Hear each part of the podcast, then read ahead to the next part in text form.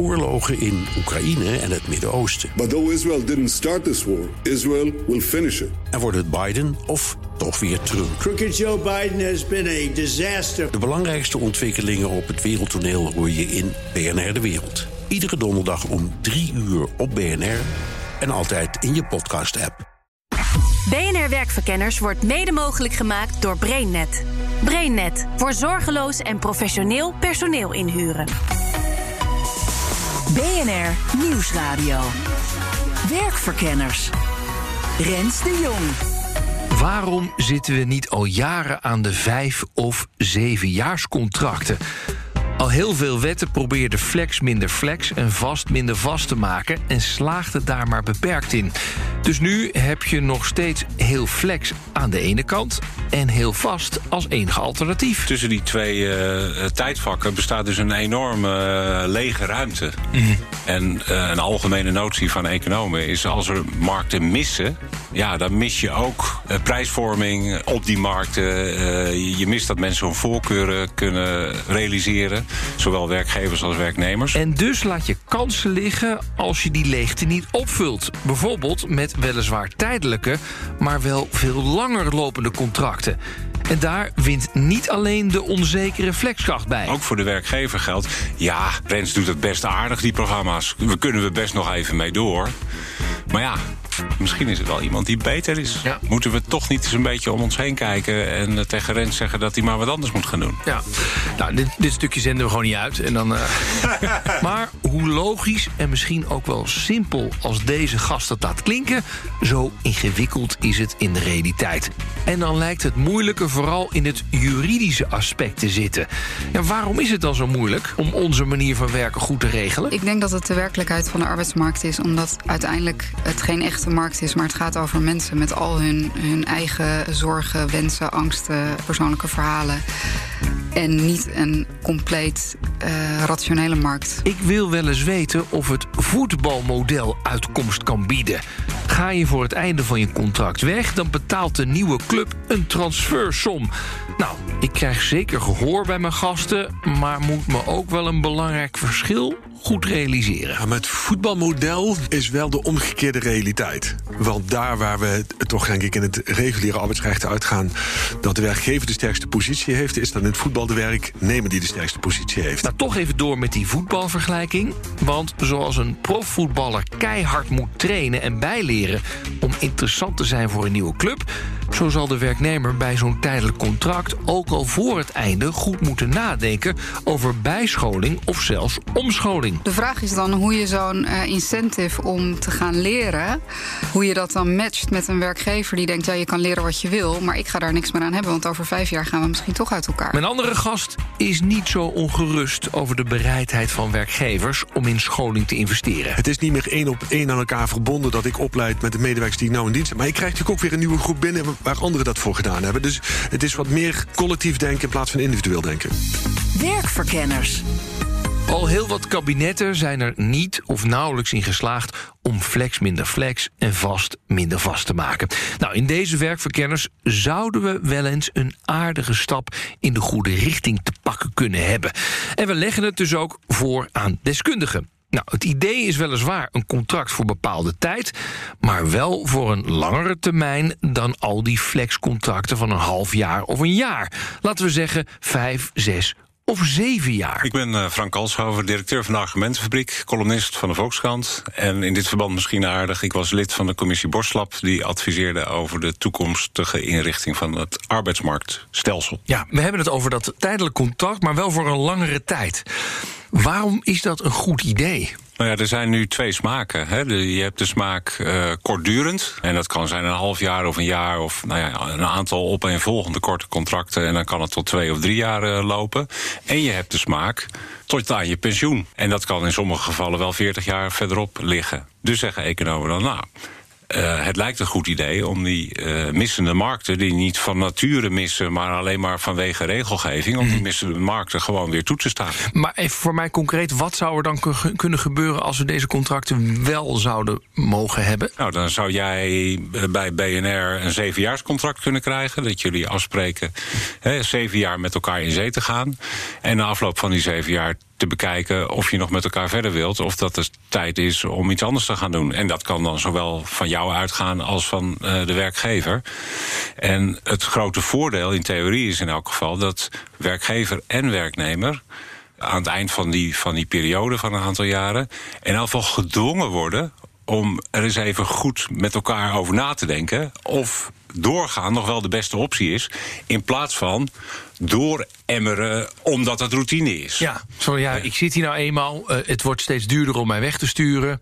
Zit hij goed? Ja, nou. Kijk, als iemand echt goed zit, nou, dan is het ook prima, moet hij vooral blijven zitten. Maar als er, een, uh, als er wat sleet op zit, als iemand toch eigenlijk andere dromen heeft, dan kan zo'n gesprek of zo'n moment waarop je je contract moet verlengen, kan heel erg behulpzaam zijn om de bakensisten te verzetten. Ja. En het probleem op de arbeidsmarkt is. Of een van de problemen op de arbeidsmarkt is dat uh, mensen met een vast contract, ook omdat de buitenwereld wat guurder is geworden, de neiging hebben om te blijven zitten. Ook als dat eigenlijk helemaal niet in hun eigen belang is. Mm. En ook als ze dat diep van binnen misschien ook wel helemaal niet zouden willen. Mm. Zitten er ook nadelen aan? Nou, ik kan er eerlijk gezegd niet zoveel verzinnen. Tenzij je zegt dat als we het aantal jaren precies gaan voorschrijven, hè, dat het 4, 5, 6 of 7 moet zijn of wat dan ook, dat je dan wel allemaal breukvlakken creëert die je afdwingt. Hè. Dan is er geen vrijheid van contractpartijen om te zeggen van nou ja, in ons specifieke geval mijn kinderen gaan over vijf jaar naar school, ik zeg mm -hmm. maar wat, ja. willen we graag een contract voor vijf jaar. Dus je kan discontinuïteiten veroorzaken die eigenlijk niet optimaal zijn als je het aan werknemers en werkgevers vraagt. Nou, laten we dit plan dan ook inderdaad maar eens voorleggen aan de werkgevers. Remo Puts, algemeen directeur van ABVN en niet helemaal onbekend met het uh, terrein van de arbeidsmarkt, want ik was hiervoor lang uh, CEO van een uitzendonderneming. Ja, en de ABVN is voor, voor de werkgevers, hè? Ja, het is de werkgeversvereniging, zusje, broertje van VNO en 2. Ja. We horen de hele dag, horen, hè, flex is te flex en vast is te vast. Kunnen wij niet contracten maken van een jaar of vijf, zes, zeven? Jij komt uit het uitzendwezen. Gebeurt dat daar al of niet? Nee. nee. Heeft dat een reden? Ja, ik denk dat het een reden heeft. Uh, en die ligt voor een deel, denk ik, wel in de wettelijke basis. Namelijk, we hebben een groep die heel goed beschermd is. En we hebben een groep die relatief slecht beschermd is. En die tweedeling, die blijft en die kloof die hoezeer eigenlijk al vanaf Ascher 99 geprobeerd wordt om die kleiner te maken. Het blijft een beetje vreubelen in de, in de marge, als ik eerlijk ben. Ja, en zo'n idee, vijf, zes, zeven jaar contract. Wat vind je daarvan? Ik vind het idee een heel verhelderende blik op. In plaats van wat ik net zei, al die kleine dingen, al die kleine aanpassingen die doen. om eens een keer op een heel andere manier naar de arbeidsmarkt te kijken. En het aantrekkelijke zit in, of dat nou vijf, zes of zeven jaar is. dat die lang genoeg is om zekerheid te bieden. Maar ook wel weer zeg maar, de termijnen maakt dat je moet nadenken over maar wat is mijn horizon over 10 of 20 jaar? Dus het brengt twee dingen bij elkaar. En dat vind ik het verhelderende aan het idee over een, in ieder geval een bepaalde tijdscontract langer dan één of twee jaar. Laten we dan even de voordelen benoemen. Een vijfjaarscontract, wat zijn de voordelen voor de werkgever en voor de werknemer? Nou, laten we beginnen bij die, uh, bij die werkgever. Ik denk dat die balans tussen uh, ja, die twee uitersten dichter bij elkaar gaat komen. Dus dat middenveld wat we onbenut laten, dat gaan we echt gebruiken. En dus dat betekent dat voor een groter deel van de groep die vandaag de dag ja, voor die extreme hyperflex kiest, dat dat op een andere manier kan. Ik denk dat dat wel echt een, een voordeel is. Ik denk voor die werknemers ook voor een deel, als je in dat andere continent zit, dat je makkelijker naar die middengroep uh, kunt. En ik denk dat het namelijk brengt wat in mijn optiek het allerbelangrijkste is. Het gesprek over, nou, laat ik het anders zeggen. Op het moment dat je weet dat je relevant bent voor de arbeidsmarkt, is je contractvorm eigenlijk niet zo van belang. Namelijk als je weet dat je iedere dag waarde hebt, dat er iedere dag plek voor jou is. Ik denk dat je dan eerder gaat nadenken over wat is die ideale manier die bij mij past. Het feit dat mensen de veiligheid zoeken van een contract heeft ook te maken met de onzekerheid die je hebt. Ben ik over 10 jaar of over 15 jaar nog wel relevant? En juist die dynamiek wakkert het aan. Het gesprek over en wat investeer je dan? Wat investeer je als werknemer? En ik denk dat dat de grote meerwaarde is. En die zit aan beide kanten, denk ik. Dus nogmaals, voor die werkgevers, denk ik, gaan zij echt nadenken over wat is nou dat middensegment? Hoe kan ik het uh, bereiken en ook gebruiken? En ik denk dat voor werknemers het echt gaat bieden dat er een serieuze investering komt in je, in je, in je carrière. En, dat, en ik denk dat het ook goed is, want als je kijkt naar wat gebeurt nu vaak. Mensen zitten 10, 15 jaar op één plek. Er gebeurt eigenlijk niks in ontwikkeling. En als dan dat moment komt dat de sector gekrompen is en je moet voor de, je, je verplaatsen en je moet naar een nieuwe baan toe, dan zie je de echte problematiek ontstaan. Want dan is er geen relevantie meer voor de arbeidsmarkt. Mijn volgende gast heeft in verschillende verbanden uitvoerig gediscussieerd over de ideale inrichting van de arbeidsmarkt. Hoe staat zij tegenover de vijf- of zevenjarige contracten? Ik ben Hanneke Wennaars, universitair docent Sociaal Recht bij de Universiteit Leiden. En heb deelgenomen aan de Commissie Regulering van Werk. En ben lid van het clubje Wetboek van Werk. Ja, en, en die commissie Regulering Werk is de commissie Borstlap in, het, in, in de volksmond. Hè? Alleen de voorzitter blijft hangen. Ja, wij praten deze uitzending over het probleem dat er eigenlijk een gat zit tussen de mensen die, laten we zeggen, allemaal éénjaarscontractjes hebben, of nog minder zeker, en de mensen die een onbepaalde tijdscontract hebben, bijna virtueel tot het pensioen. En nou filosoferen we over het idee: moet je niet mensen een contract geven van vijf, zes, zeven jaar? Wat vind jij daarvan? Dat kan. Dat kan nu ook al, maar het gebeurt heel weinig. Dus de eerste vraag zou zijn: waarom gebeurt het weinig? Kennelijk is er geen behoefte aan. Dus als je het zou willen, moet je het inbedden. En dat betekent dat je andere contractsvormen moet verbieden en deze leidend moet maken. En dan weet ik niet heel goed welk probleem je ermee oplost. Oké, punt 1. Je zegt het gebeurt niet veel. Dus waarom zou het dan ooit populair worden? Ik kan me wel iets bij voorstellen waarom het nu niet gebeurt. Omdat je, als je dit wil toepassen, moet je in één keer iemand een vijfjaarscontract geven. Klopt. Zonder dat je er nog even kunt uitproberen of wat dan ook. Je kan wel twee maanden uitproberen. Oké, dat vind ik nog een beetje weinig. Want dan heeft iemand net geleerd hoe de computer ongeveer werkt.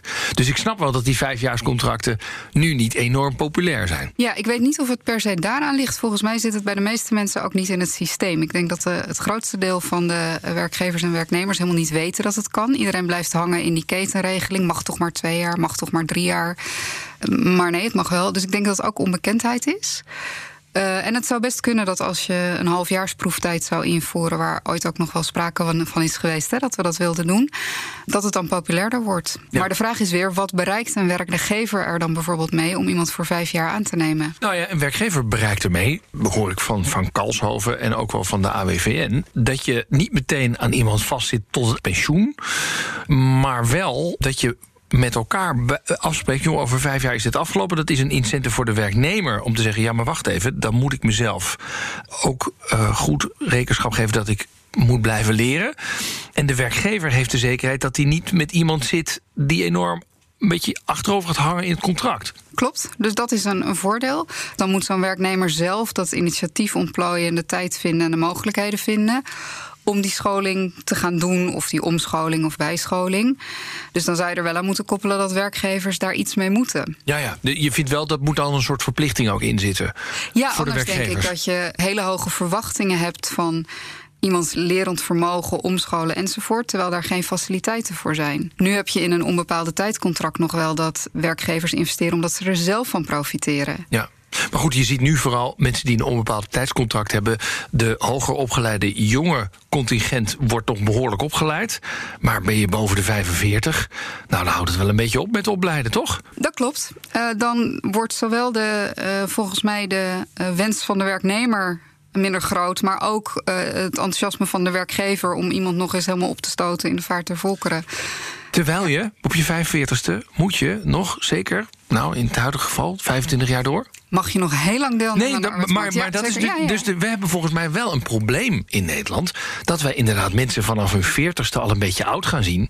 En denk je, ja, nou ja, nou, die heeft een bepaald tijdscontract. Die, die is een beetje aan het uitrollen. Zo je denkt, ja, Ja, jongens, ja, je ja. zit nog maar op de helft. Ja, maar ja, de vraag is dan, hè, als je iemand van 42 aanneemt op een contract voor vijf jaar, zes maanden proeftijd, hè, kan nu nog niet, maar stel, nou, het gaat eigenlijk best goed, dan heb je nog 4,5 jaar over. Diegene van 42 denkt, ik moet wel denken aan mijn volgende contract, want dan ben ik 47, dus ik moet dingen doen.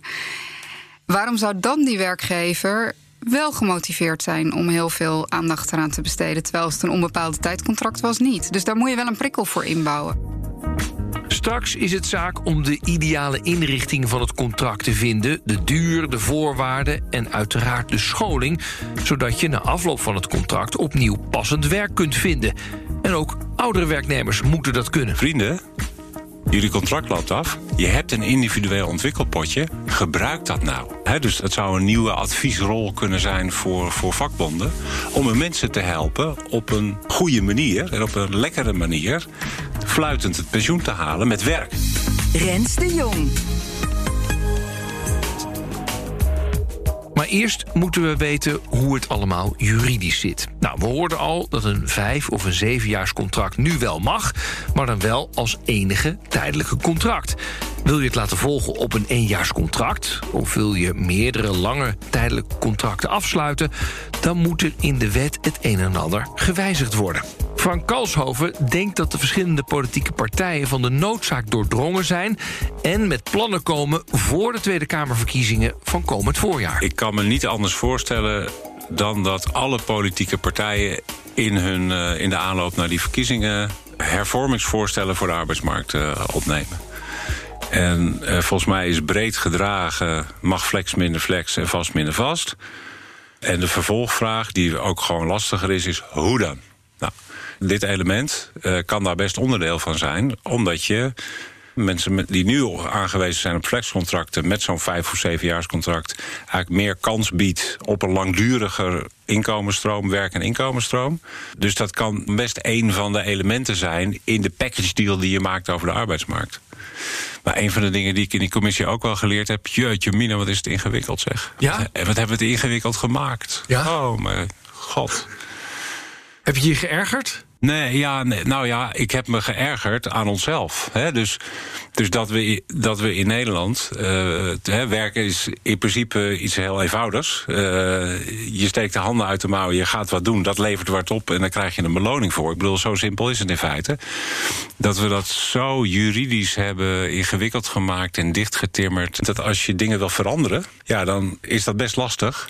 Omdat je dat hele bouwwerk aan regels hebt, waar je, waar je je dan toe hebt te verhouden. Raymond Puts van de AWVN denkt ondertussen na over hoe de bonden te overtuigen zijn. Een paar dingen. Als we echt geloven dat als we mensen echt weerbaarder maken of beter duurzaam inzetbaar. Ik vind een beetje containerbegrip, maar zorgen dat mensen relevant blijven voor de arbeidsmarkt. Ik denk dat als we dat met elkaar omarmen, dan heb je in ieder geval een vertrekpunt. De winst voor de vakbond zou natuurlijk ook in moeten zitten dat op veel plekken waar nou andere vormen van arbeid gebruikt worden, dat die afnemen ten faveur van dat bredere middencontract. Dus ik denk dat daar de winst in moet zitten.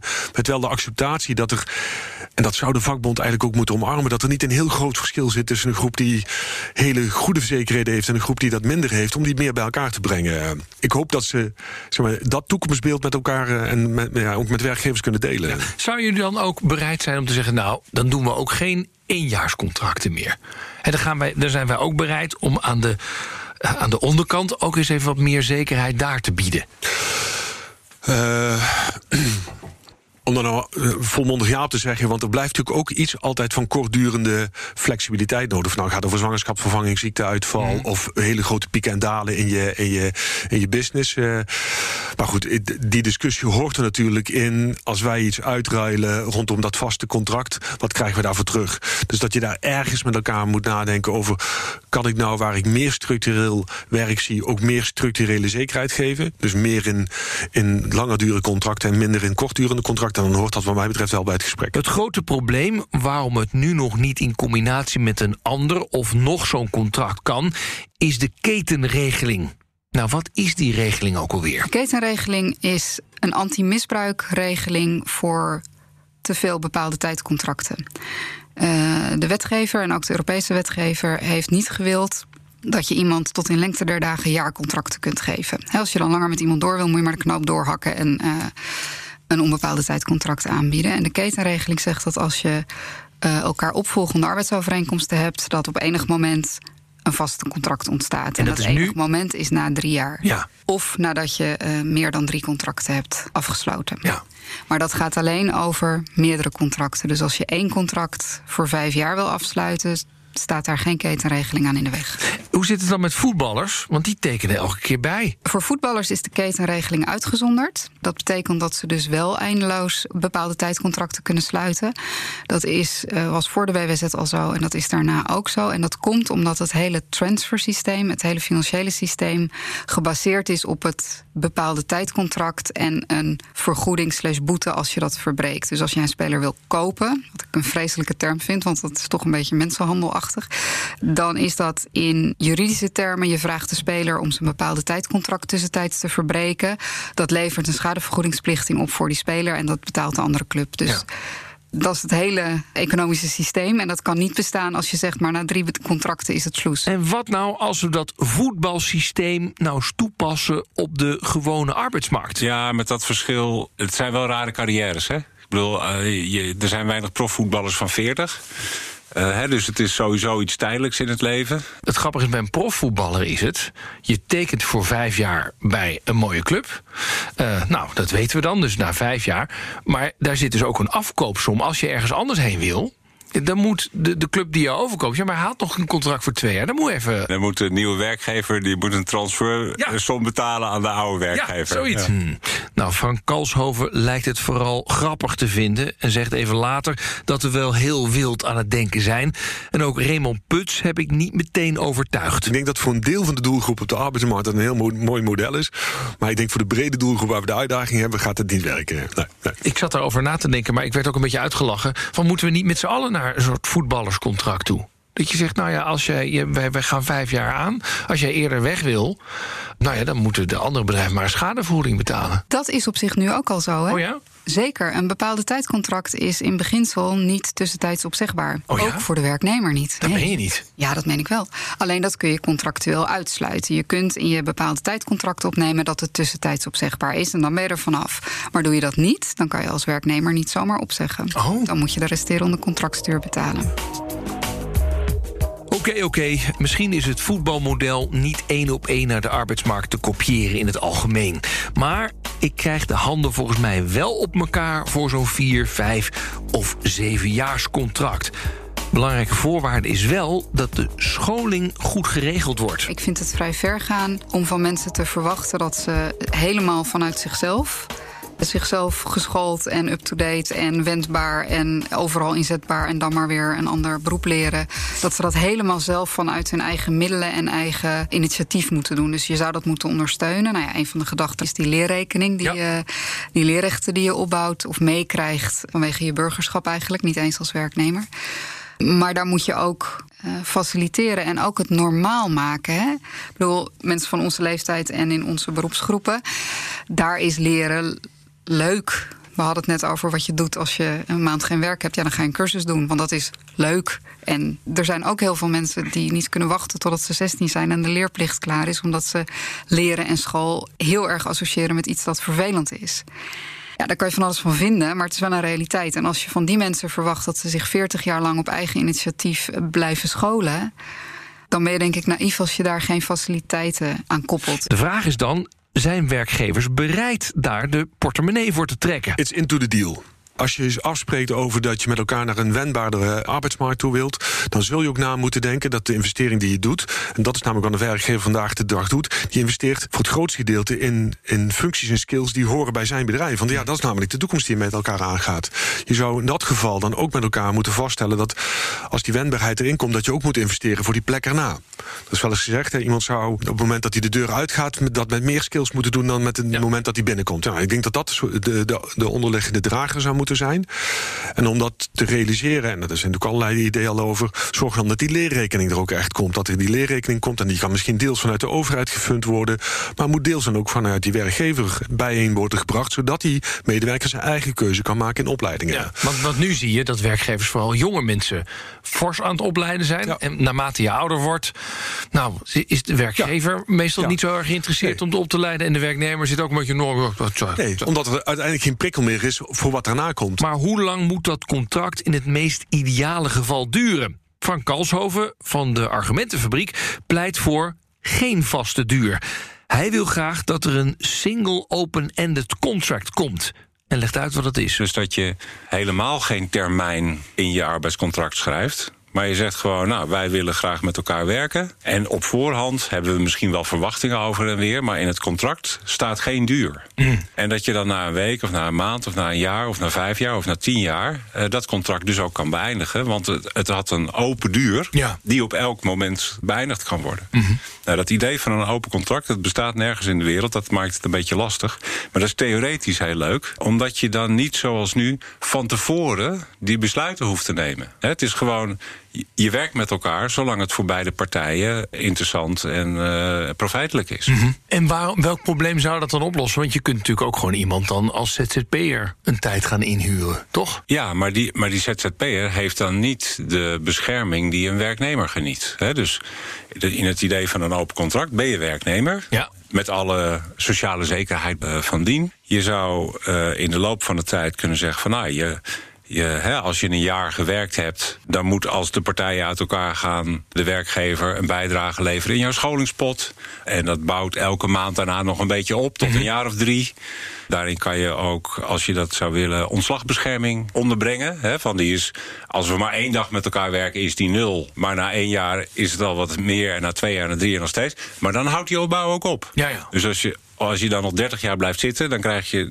Nog steeds de, de, de ontslagbescherming van drie jaar. Zo is het. Ja. En waarom zou dat voor de werkgever, kan ik me voorstellen dat het een voordeel is? Welk voordeel zit er voor de werknemer hierin? Nou, dat het voor een eh, werkgever veel makkelijker is om risico's te nemen. En is dat ook het voordeel, zeg je dan ook, voor de werknemer hierin? Ja. Ja, want, ja. Want, want die krijgt meer kans op een langduriger arbeidsrelatie dan hij nu heeft. Ja. En wat doe je dan met mensen die dan ziek worden?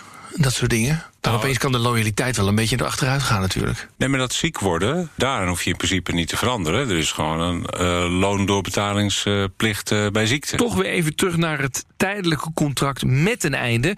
Ik vroeg Raymond Puts van de AWVN wat de minimumlengte zou moeten zijn. Als we terugkomen naar waar we vandaag de dag zijn, het eenjaarscontract, dan, dan zijn we niet opgeschoten, denk ik. Dus ik denk dat het, het moet geen oplossing zijn voor het contingent eh, tijdelijke banen. Maar het moet vooral zijn, wat kunnen we realiseren in dat vaste contract.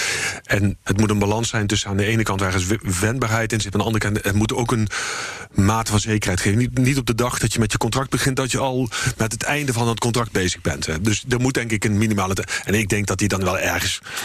Ja, ik denk veel korter dan vier jaar moet dat niet zijn. hè. En van Hanneke Bennaars, de expert op het gebied van sociaal en arbeidsrecht, wilde ik weten of je in die duur moet variëren. Nee, ik denk dat als je dit zou willen, dat je een standaard lengte zou moeten doen. Want als je daar weer keuzes in geeft, dan krijg je weer. te- ik bedoel, de charme hiervan is de eenvoud.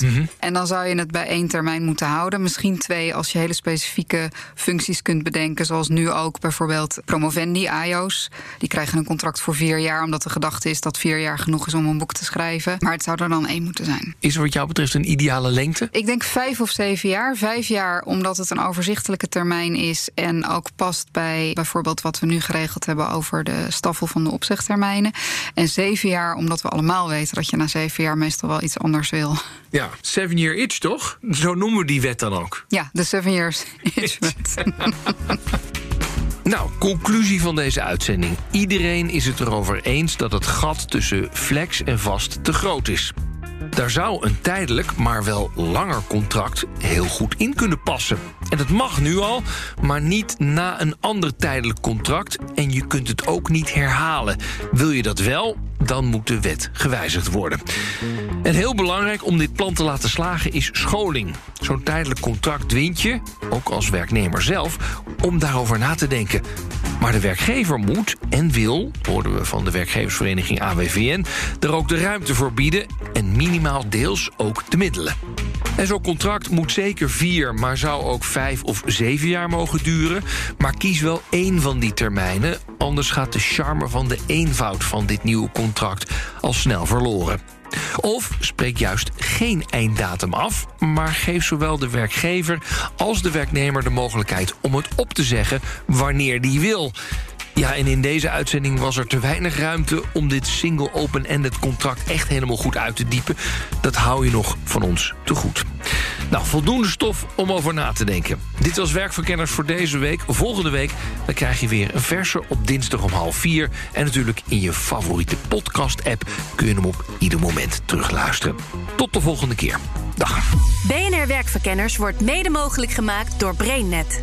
BrainNet voor zorgeloos en professioneel personeel inhuren. Bij BNR ben je altijd als eerste op de hoogte van het laatste nieuws. Luister dagelijks live via internet. Bas van Werven. En heel langzaam komt de zon op rond dit tijdstip. Je krijgt inzicht in de dag die komt op BNR, het Binnenhof in Nederland en de rest van de wereld. De Ochtendspits. Voor de beste start van je werkdag. Blijf scherp en mis niets.